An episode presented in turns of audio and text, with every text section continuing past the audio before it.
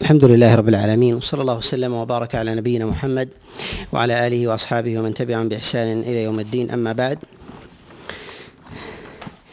آه، تكلمنا في المجلس السابق على مسألة رؤية الله سبحانه وتعالى وكذلك أيضا الفروع المتعلقة بهذه بهذه المسألة. في هذا المجلس نتكلم بإذن الله عز وجل على مسألة مهمة وهي مسألة آه، خلق الله عز وجل للجنة والنار.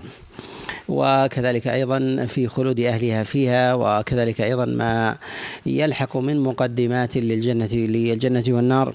وذلك من الميزان والصراط وصفة الح وصفة الحساب وكذلك أيضا القصاص الذي يكون بين بين الناس. يقول الرازيان عليهما رحمة الله والجنة حق والنار حق. نقول إن من هذه آه، أو من هذا من العقيدة الصحيحة آه، الإيمان بالجنة والنار. وهذا هذا اللفظ في قوله الجنة حق والنار حق هو كلام رسول الله صلى الله عليه وسلم ومنه أخذ الرازيان. هذه العبارة. وقد جاء ذلك في الصحيحين من حديث عبد الله بن عباس. وجاء أيضا من حديث عبادة عليه رضوان الله تعالى أن رسول الله صلى الله عليه وسلم قال من شهد أن لا إله إلا الله وأني رسول الله وأن عيسى عبد الله ورسوله وكلمته ألقاها إلى مريم روح منه وأن الجنة حق وأن النار حق ادخله الله الجنة على ما كان من العمل. رواه البخاري. وجاء أيضا في حديث عبد الله بن عباس أن النبي صلى الله عليه وسلم كان يقول في دعائه في في دعاء تهجده وفيه أن اللهم اللهم إنك حق ولقاؤك حق ووعدك حق وقولك حق والجنة حق والنار والنار حق.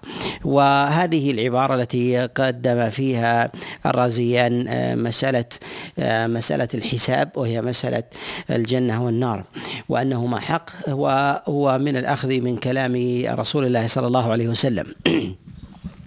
والمراد بالجنة هي محل النعيم والثواب والمراد بالنار هي محل آه، محل العذاب والعقاب. وبالنسبة لقوله حق والعلماء يعبرون ببعض الأشياء آه، بحق كقولهم الموت حق والجنة حق والنار حق ولا يقولون يجب بالإيمان بالموت والإيمان بالجنة والإيمان والإيمان بالنار. وذلك لأن هذه المرتبة هي من المراتب هي من المراتب التي آه، العليا آه، التي يكون فيها الحق مدرك عند كل أحد مدرك عند عند كل أحد. وذلك أن كل أحد يعلم أنه سيحاسب على عمله وحسابه في ذلك إما في جنة وإما وإما وإما في نار. ولم يخالف في ذلك أحد لم يخالف في هذا في هذا أحد أن الله عز وجل آه، جعل الجنة والنار. وإنما الكلام في ذلك في خلق الله عز وجل لها قبل عبادة العباد قبل عبادة العباد. وهنا في قول الرازيين وهما مخلوقتان هنا في قولهما مخلوقتان يعني أن الله عز وجل قد خلقهما وخلق الله عز وجل لهما قبل أن يكون الناس على عمل صالح أو على أو عمل أو عمل فاسد. وهذا ظاهر في كثير من المواضع من كلام الله عز وجل وكذلك أيضا في كلام رسول الله صلى الله عليه وسلم كما في قول الله عز وجل أعدت للمتقين أعدت يعني فيما سبق قبل أن يكونوا متقين هيأها الله عز وجل لهم. كذلك أيضا في النار أعدت للكافرين فهذا أعدها الله عز وجل أيضا لأهلها قبل قبل أن يبدأوا بالعمل قبل أن يبدأوا بالعمل. فأعدها الله عز وجل لهم كما لو كانوا فيها كما لو كانوا كما لو كانوا فيها. من جهة ما فيها ما في الجنة من نعيم من آه وذلك من أشجار وأنهار ولباس وخيام وقصور وحور وغير ذلك. وكذلك أيضا بالنسبة للنار فإن الله عز وجل آه خلقها بتمامها وكمالها كما لو كان أهلها فيها. وذلك بحرها وزمهريرها وكلابيبها ودركاتها فإن الله عز وجل خلقها على ما هي على ما يعاقب بها عباده سبحانه وتعالى في في الآخرة.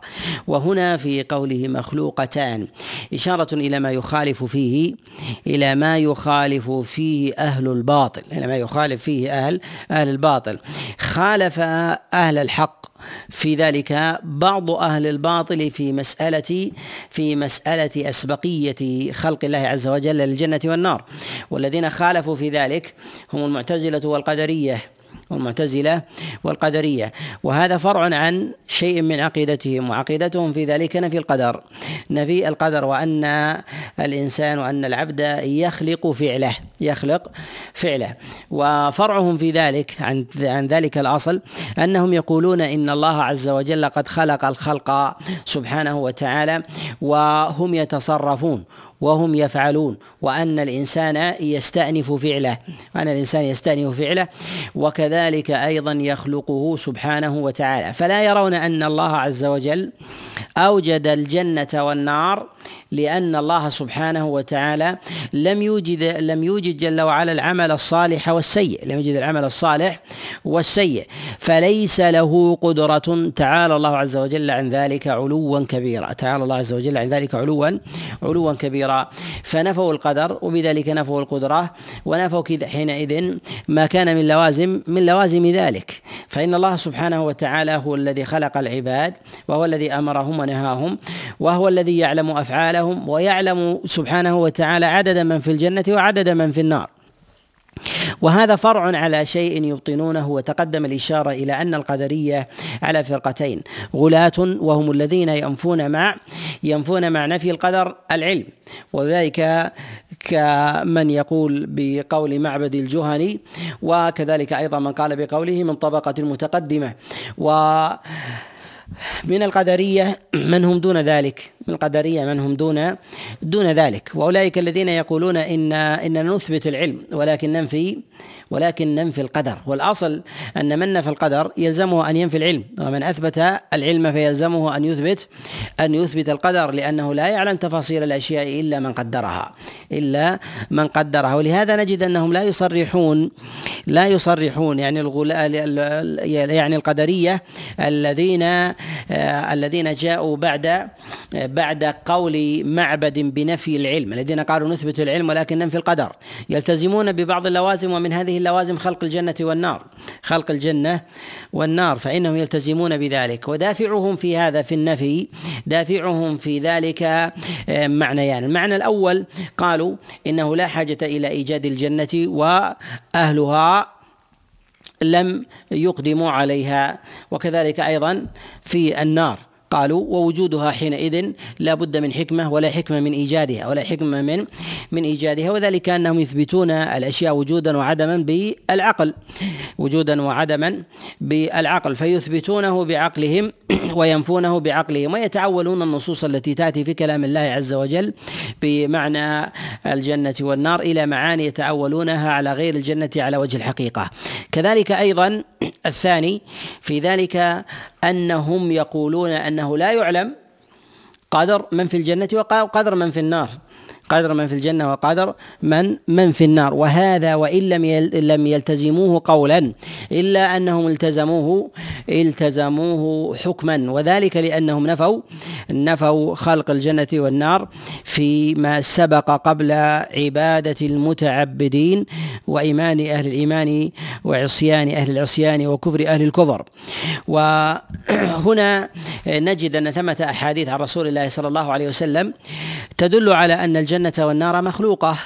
أن الجنة والنار مخلوقة وقد جاء ذا في ذلك جملة من الأحاديث عن رسول الله صلى الله عليه وسلم في الصحيحين ومنها أن النبي صلى الله عليه وسلم قال قال أدخلت الجنة فتناولت عنقودا منها ولو أخذته ولا لا أكل منه الناس ولم يجوعوا إلى إلى قيام الساعة ونحو هذا الخبر. وكذلك أيضا ما جاء النبي صلى الله عليه وسلم لما أسي به إلى لما لما عرج به إلى السماء. قال عليه الصلاة والسلام أدخلت الجنة. قال عليه الصلاة والسلام أدخلت الجنة. وكذلك أيضا في قول النبي صلى الله عليه وسلم أريت الجنة. فرأيت قصرا. فقلت لمن؟ قيل قال قالوا لعمر. وهذا وهذا دليل على أن الجنة موجودة ومعلوم أن رؤيا الأنبياء أن رؤيا الأنبياء حق. أن رؤيا الأنبياء حق ومن ذلك أيضا ما جاء في الصحيح أن النبي صلى الله عليه وسلم قال أريت الجنة. فرأيت أكثر أهلها الأغنياء أكثر أهلها أكثر أهلها الفقراء وأريت النار فرأيت أكثر أهلها النساء. وهذا إشارة إلى أن النبي صلى الله عليه وسلم رآها على حقيقتها رآها عليه الصلاة والسلام على حقيقتها ورأى منازل أهلها ورأى منازل منازل أهلها وكذلك أيضا آه، هذا الأمر هو محل إجماع. هذا الأمر محل محل إجماع عند السلف من الصحابة والتابعين وأئمة وأئمة الإسلام. وهنا في قول الرازيين ولا يفنيان ابدا ولا يفنيان ابدا يعني الجنة والنار. يعني يعني الجنة والنار. والمراد بذلك هو الخلود الأبدي.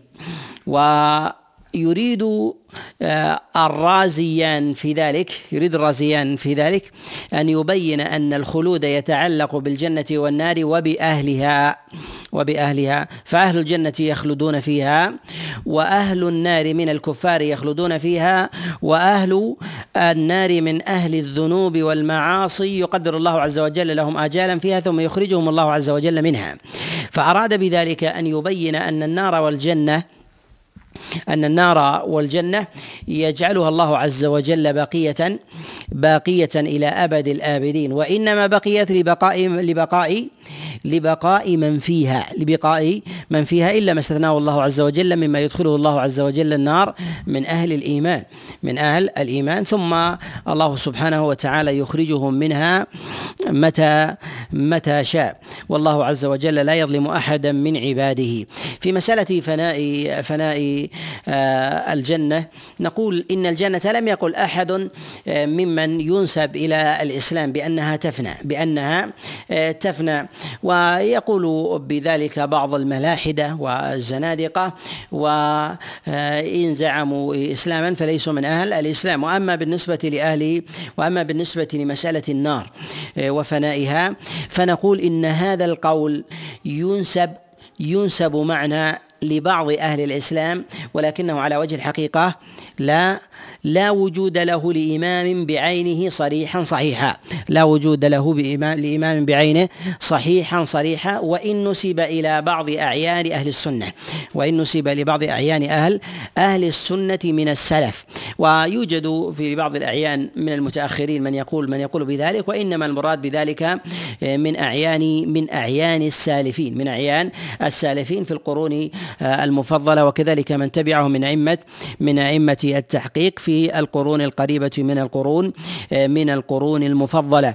وقد دلت الأدلة على وقد دلت الأدلة على خلود الجنة والنار.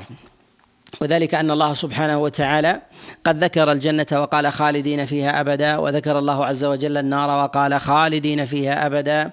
وكذلك أيضا نجد أن النبي صلى الله عليه وسلم قد تواترت عنه الأدلة بأن أهل الجنة يحرم عليهم الموت والفناء وكذلك أهل النار يحرم عليهم الموت والفناء. وقد جاء ذلك في حديث أبي هريرة في الصحيحين أن رسول الله صلى الله عليه وسلم قال يقال لأهل أهل الجنة يا أهل الجنة خلود ولا موت. ويقال لأهل النار يا أهل النار خلود ولا ولا موت. وقد جاء ذلك أيضا في حديث أبي سعيد الخدري وهو في الصحيحين أنه قال قال رسول الله صلى الله عليه وسلم يجاء بالموت على هيئة كبش أملح فيقام بين الجنة والنار فيذبح فيقال لأهل الجنة يا أهل الجنة خلود ولا موت يقال لأهل النار يا أهل النار خلود ولا ولا موت. وقد جاء معنى هذا الحديث في غير ما خبر عن رسول الله صلى الله عليه وسلم وهذا من الأمور المتواترة هذا من الأمور المتواترة.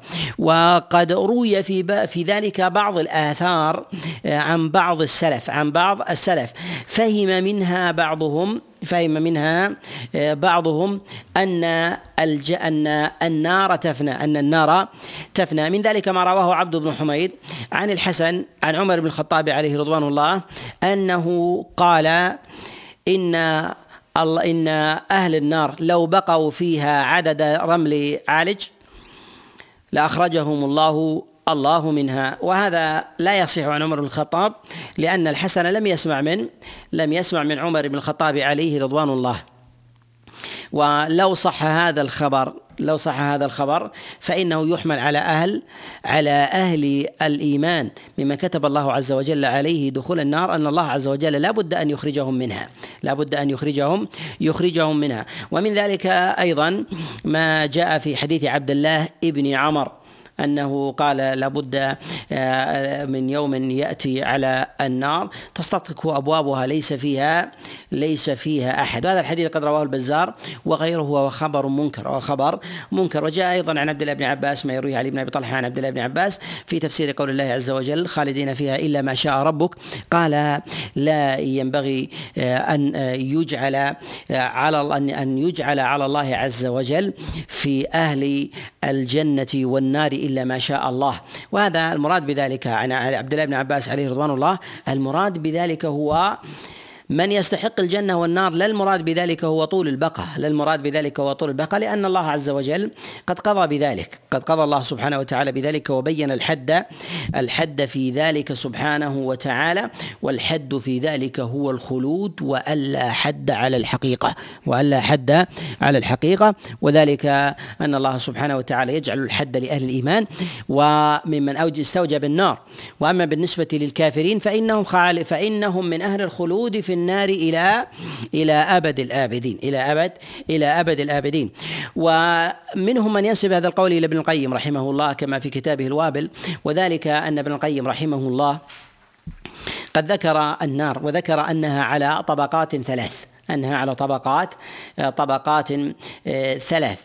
ولكن نقول إن ما يتعلق بالطبقات التي ذكرها ذكرها ابن القيم رحمه الله هذه الطبقات ذكر منها طبقة أهل المعاصي من أهل الإيمان من يدخل وقال هذه تفنى هذه هذه تفنى. فهذا موضوع هو خارج محل النزاع هو خارج محل محل النزاع. فمن كان من أهل النار ممن دخلها إما أن يكون من أهل المعاصي ممن لم يغفر الله عز وجل له فهذا طبقته هي نار نار أهل المعاصي نار أهل أهل المعاصي.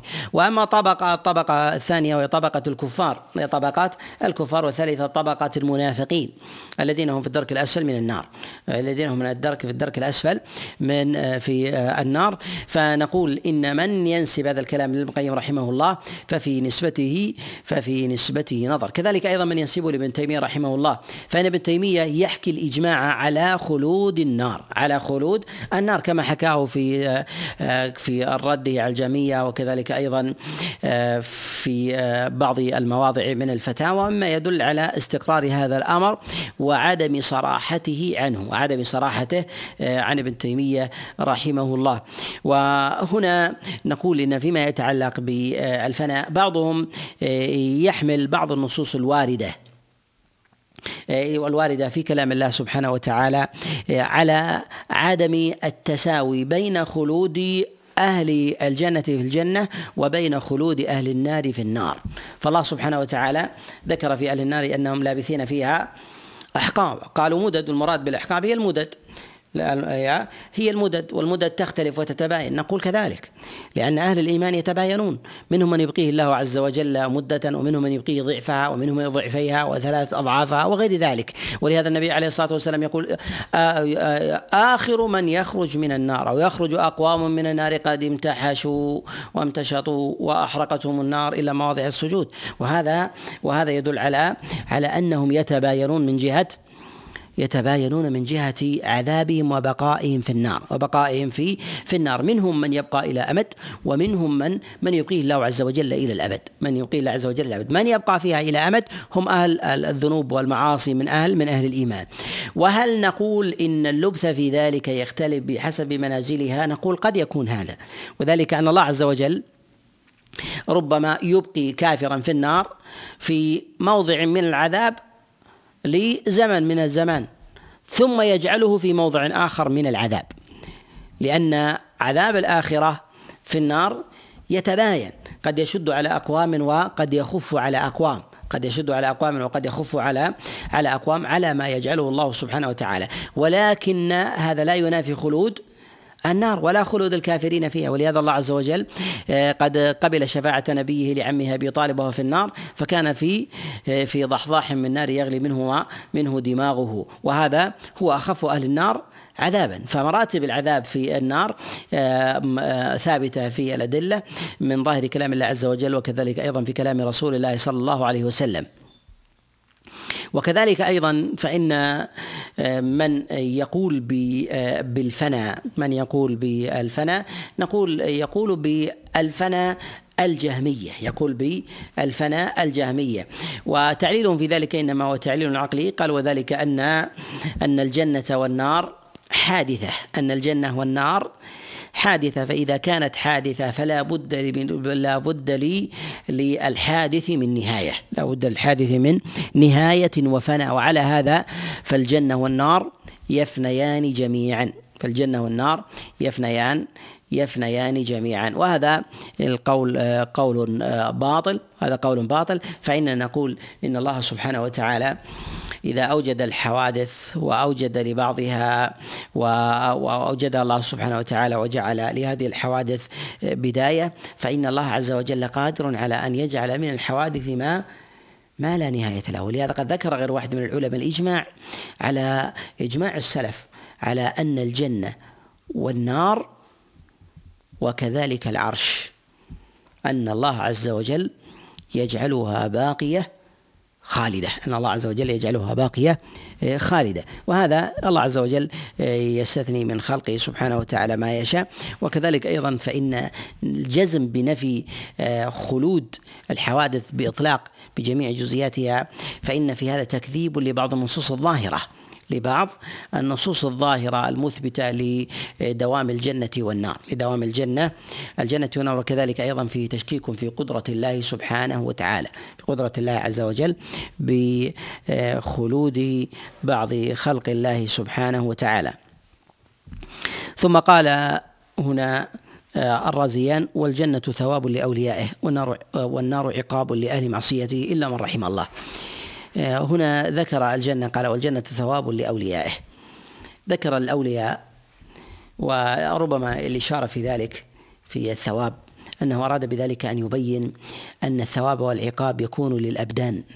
خلافا لما يقول لما يقوله الفلاسفة وذلك من المتأثرين بالمدرسة اليونانية كابن سينا وكذلك الفارابي وغيرهم الذين يقولون إن البعث إنما يكون للأرواح وأن النعيم يكون لها وكذلك العذاب يكون لها. أما الأبدان فإنها تفنى وأما الأبدان فإنها تفنى فيجعلون المنعم في الجنة الأرواح. يجعلون المنعم في الجنة الأرواح. ولعل مراد آه، الرازيين هنا في قولهما والجنة ثواب لأوليائه والنار عقاب لأهل معصيته أنه يريد ذلك آه، الثواب للروح والبدن وكذلك أيضا بالنسبة للعقاب أنه يكون للروح للروح والبدن. ومما لا خلاف فيه أن أن الجنة لا يدخلها إلا إلا نفس مؤمنة كما جاء النبي صلى الله عليه وسلم قال الجنة لا يدخلها إلا نفس إلا نفس مؤمنة. وكذلك أيضا فإن النار جعلها الله عز وجل لأهل معصيته. وهنا من دقة كلام الرازيين عليهما رحمة الله أنهما قال والنار عقاب لأهل معصيته. النار عقاب لأهل معصيته. فما ذكر الكفر فما ذكر الكفر لأن موضع الجنة يختلف عن النار فإن الجنة لا يدخلها إلا نفس مؤمنة. وأما بالنسبة للنار فقد يدخلها نفس مؤمنة وقد يدخلها نفس نفس مؤمنة.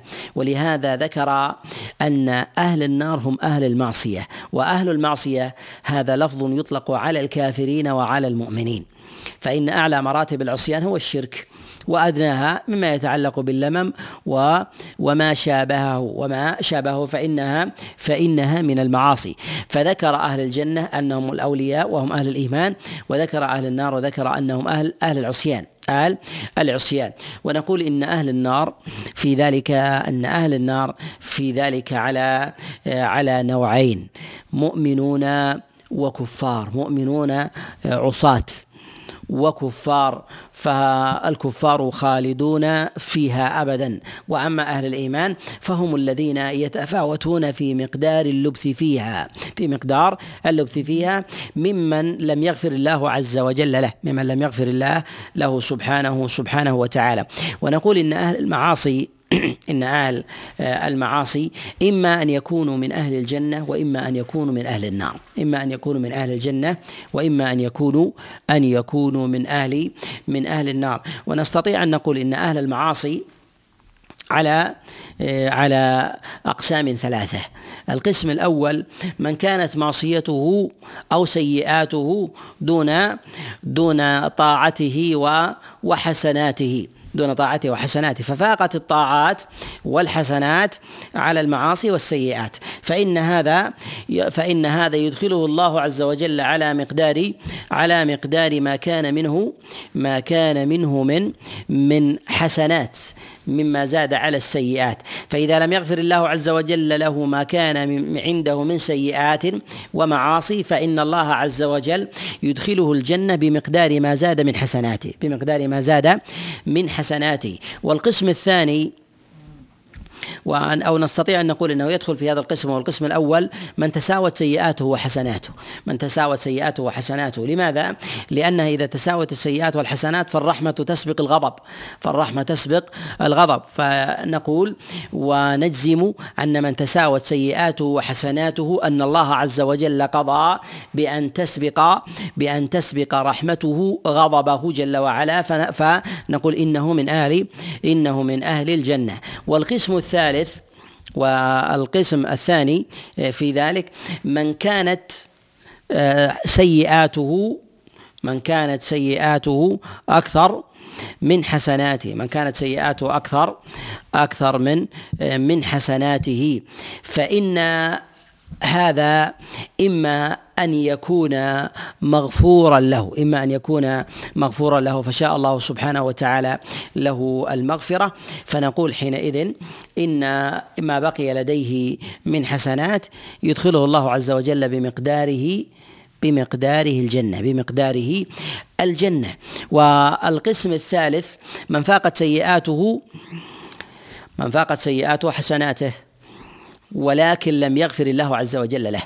لم يغفر الله عز وجل له. فهذا فهذا يعذبه الله سبحانه وتعالى بمقدار ما كان عنده من زيادة سيئات على حسنات.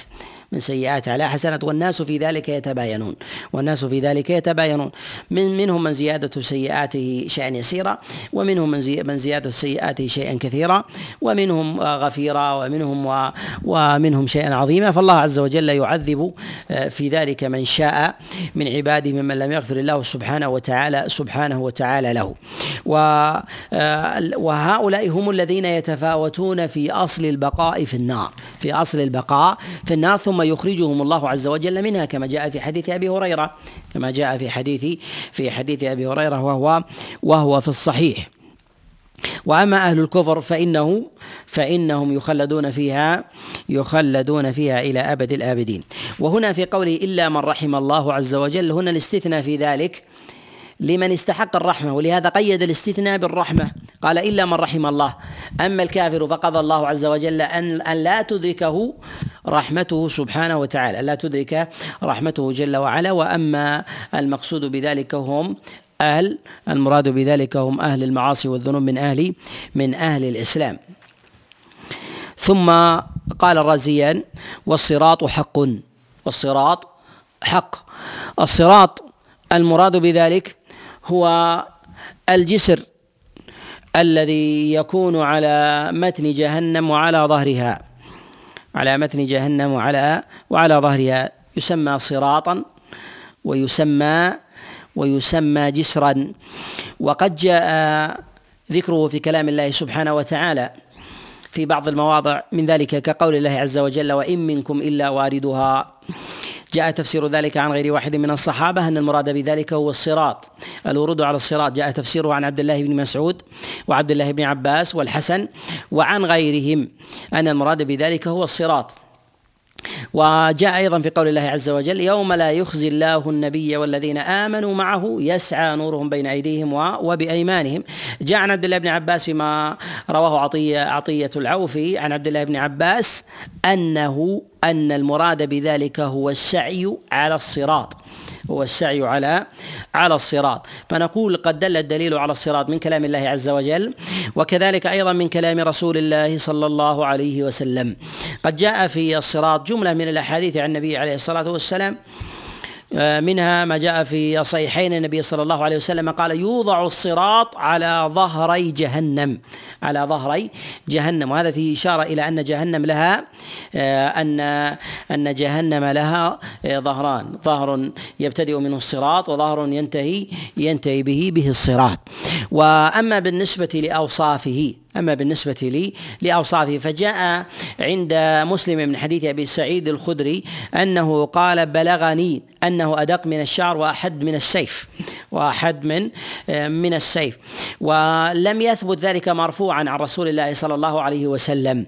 وأما بالنسبة للسير عليه والصفة عليه فقد جاء ذلك عن النبي عليه الصلاة والسلام كما في الصحيح أن المؤمن يمر عليه ك ك كالطرف وكالبرق وكالريح وكالخيل الجياد.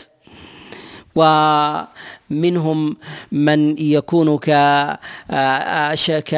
كشديد الرجال ومنهم من يمشي ومنهم من يحبو وفناج مسلم ومخدوش ومكردس في في نار جهنم.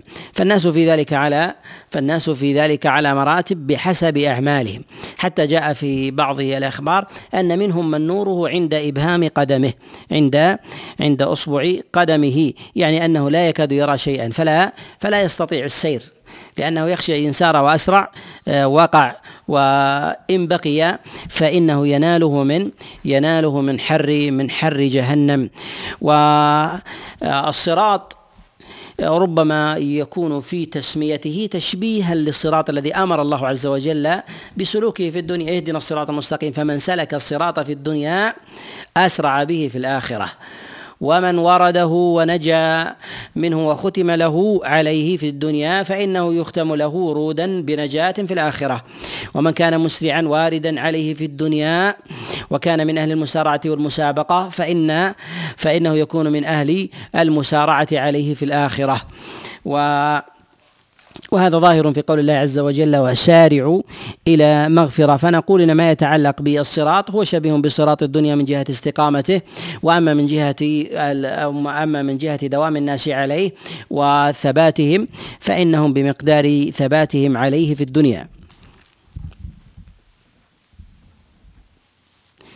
وأما آه، قول آه، الرازيين والصراط حق. الصراط الصراط حق. في ذكر آه، كلمة آه، حق يعني الإيمان به حق أوجبه الله سبحانه وتعالى على على الناس. وكذلك أيضا فإن الصراط يخالف فيه يخالف فيه المعتزلة يخالف فيه المعتزلة.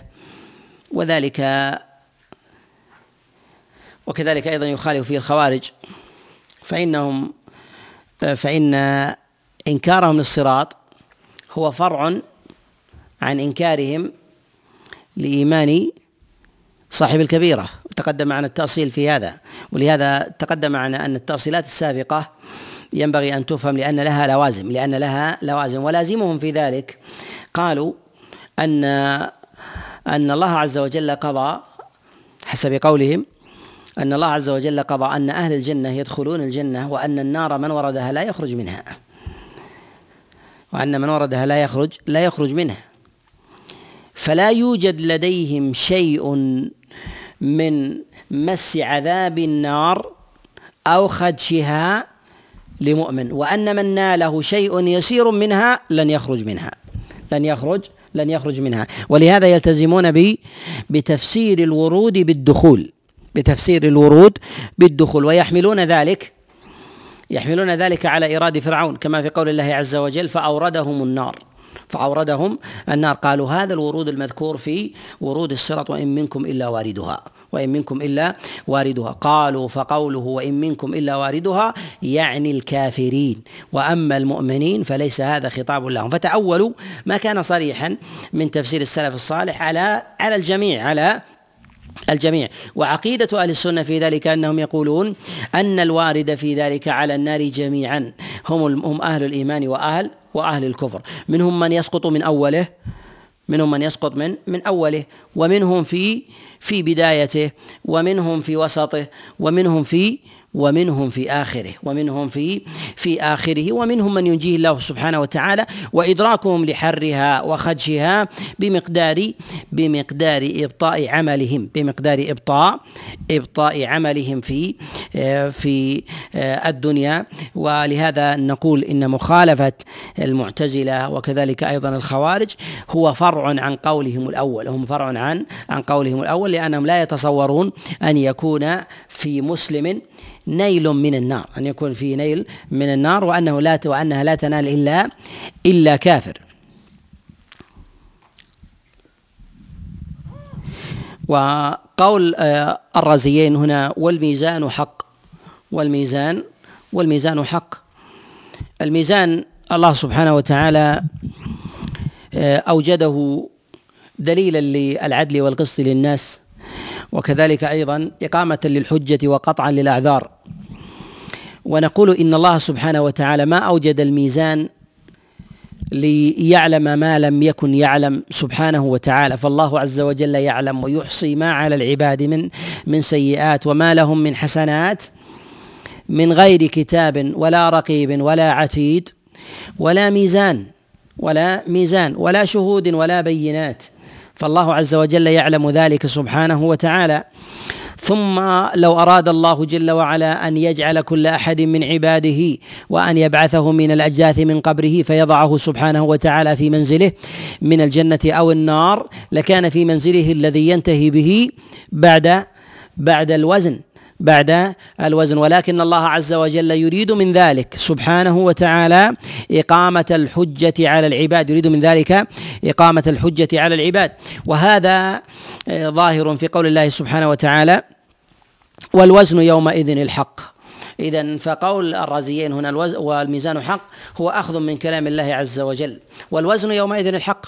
فمن ثقلت موازينه فأولئك هم المفلحون ومن خفت موازينه فأولئك الذين خسروا أنفسهم بما كانوا بآياتنا يظلمون.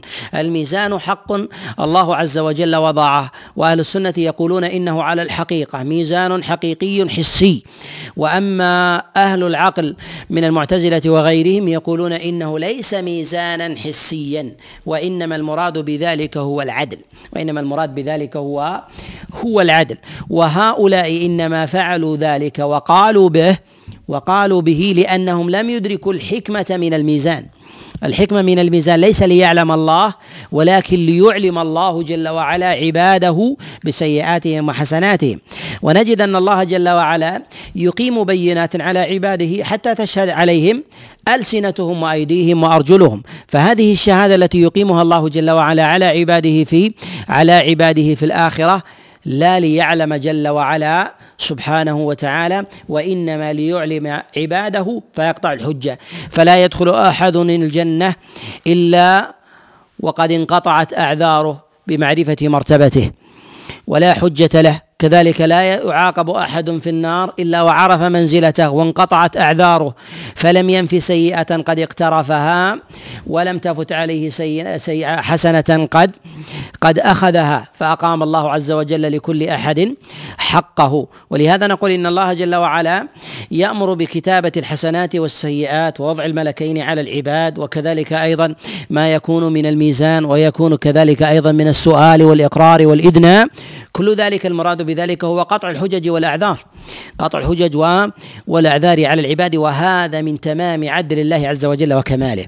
من تمام عدل الله سبحانه سبحانه وتعالى وكماله.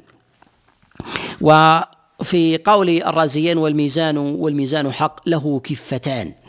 له له كفتان. في قول الرازيين له كفتان.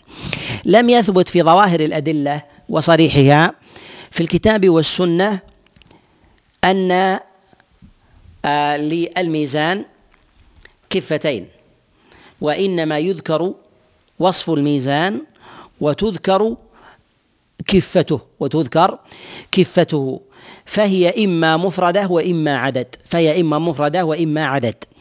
ولكن نجد أن السلف الصالح ينصون على أن للميزان كفتين. جاء ذلك عن من؟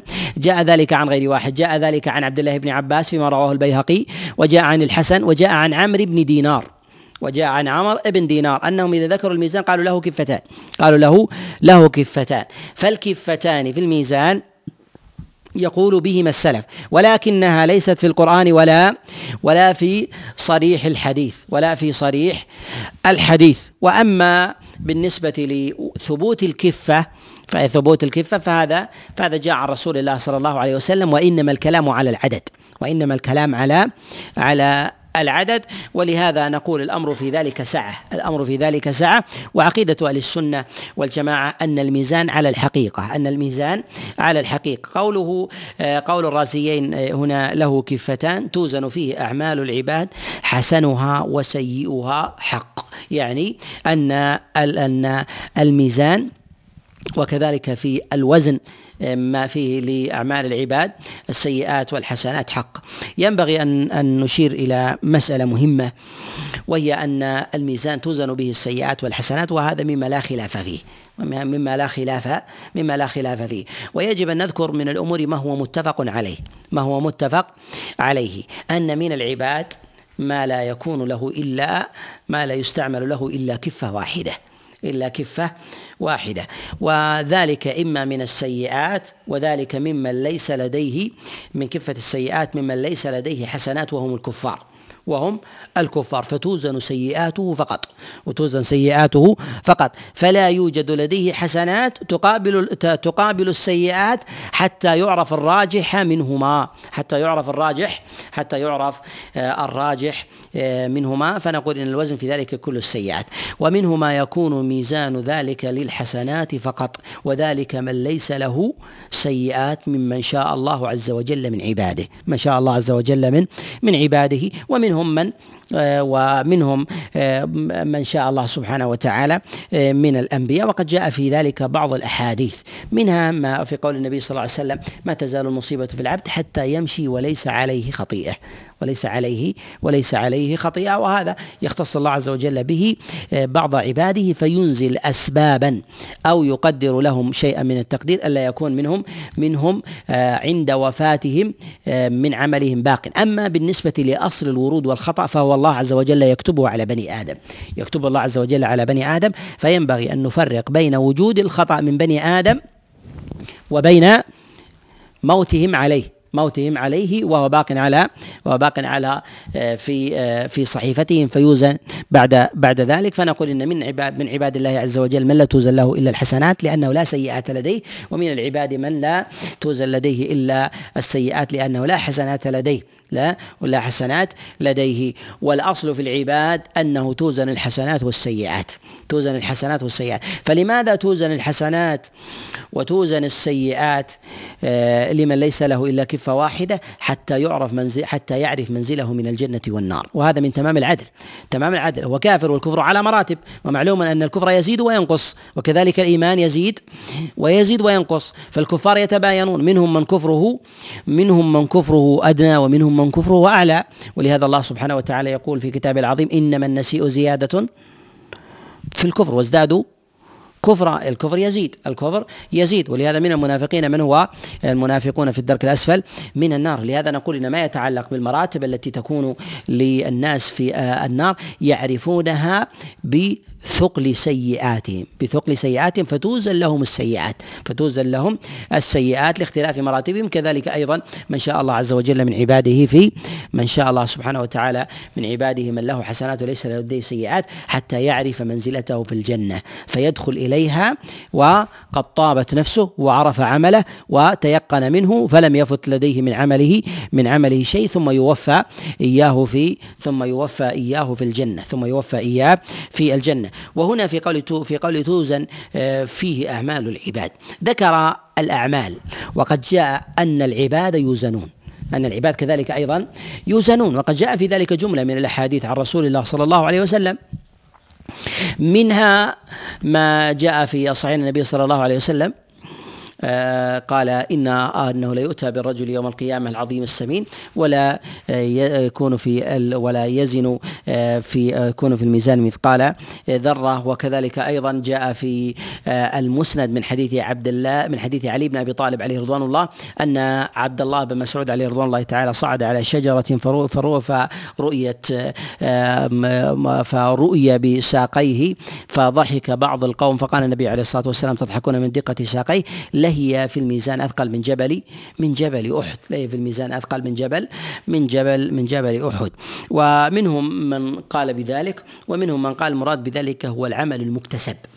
العمل المكتسب الذي يكسبه الإنسان من بدنه ولو كان ضعيفا بدنه ولو كان ولو كان ضعيفا. ولكن نقول مثل هذه الأشياء نجريها على ظاهرها نجريها على ظاهرها. فنقول إن الأعمال توزن وإن العاملين يوزنون. وإن العاملين آه، يوزنون على آه، الصفة التي التي آه، يراها الله سبحانه وتعالى ويشاؤها. وهنا بالنسبة للميزان من جهة صفته وكيفيته نقول أهل السنة يؤمنون بذلك ولكن من جهة حقيقته وعظمه وكذلك أيضا صفة كفته وعددها هي موكولة إلى علم الله سبحانه وتعالى. هي موكولة إلى علم الله جل جل وعلا. وينبغي أن نشير إلى أن من الأعمال من يقضي الله عز وجل به قبل المرور على الصراط. ومن الأعمال ما يرجئ الله عز وجل التقاضي فيه بعد الصراط. ومعلوم أن الإنسان لا يصل إلى الجنة إلا عن طريق إلا عن طريق جهنم وذلك بالمرور عليها بمقدار عمله بمقدار عمله. فالعمل الذي يكون على الإنسان منه ما يكون القضاء فيه قبل المرور على الصراط ومنه ما يكون بعد المرور على الصراط. أما بالنسبة للذي يكون قبل المرور على الصراط فنقول هم من كتب الله عز وجل لهم الجنة ابتداء من غير دخول للنار. ومن كتب الله عز وجل له عليهم النار كتب الله عز وجل عليهم النار من الكافرين من الكافرين. فحقوقهم تكون قبل قبل المرور على الصراط قبل المرور على الصراط. من كتب الله عز وجل له الجنة ابتداء يقضي الله عز وجل له ابتداء حتى يدخل الجنة وينتهي. حتى يدخل الجنة وينتهي. كذلك أيضا من كتب الله عز وجل عليه النار ابتداء شريطة أن يكون مخلدا فيها وهو الكافر وهو الكافر. فيقضى له ثم يأخذ منزلته وينتهي ويأخذ منزلته وينتهي. وأما من يرجأ له بعض عمله من يرجى له بعض بعض عمله فيقضى به بعد الصراط. وهم من كان من أهل الإيمان بعد دخولهم ممن كتب الله عز وجل عليهم النار ولمعاصيهم. يرجي الله عز وجل حقوقهم التي تكون بينهم بعد الخروج من النار. بعد الخروج من النار. والدليل على ذلك ما جاء في الصحيح أن النبي صلى الله عليه وسلم قال يخلص المؤمنون من النار. فيوقفون على قنطرة بين الجنة والنار فيقتصون حقوقا كانت بينهم. فيقتصون حقوقا كانت كانت بينهم. يعني أن الله عز وجل ما فصل سبحانه وتعالى فيها قبل قبل الصراط وإنما أنظرها الله عز وجل حتى آه، حتى آه، يطهروا من ذنوبهم التي تمنعهم الجنة. ثم يكون بعد ذلك الحقوق بينهم ترفع هذا وتخفض هذا في الجنة وتخفض هذا في الجنة. أما من قضى الله عز وجل له دخوله ابتداء فيقضى له ابتداء ثم يدخل الجنة ثم يدخل الجنة آه، ابتداء فيمضي فيمضي إلى ما قدره الله عز وجل له.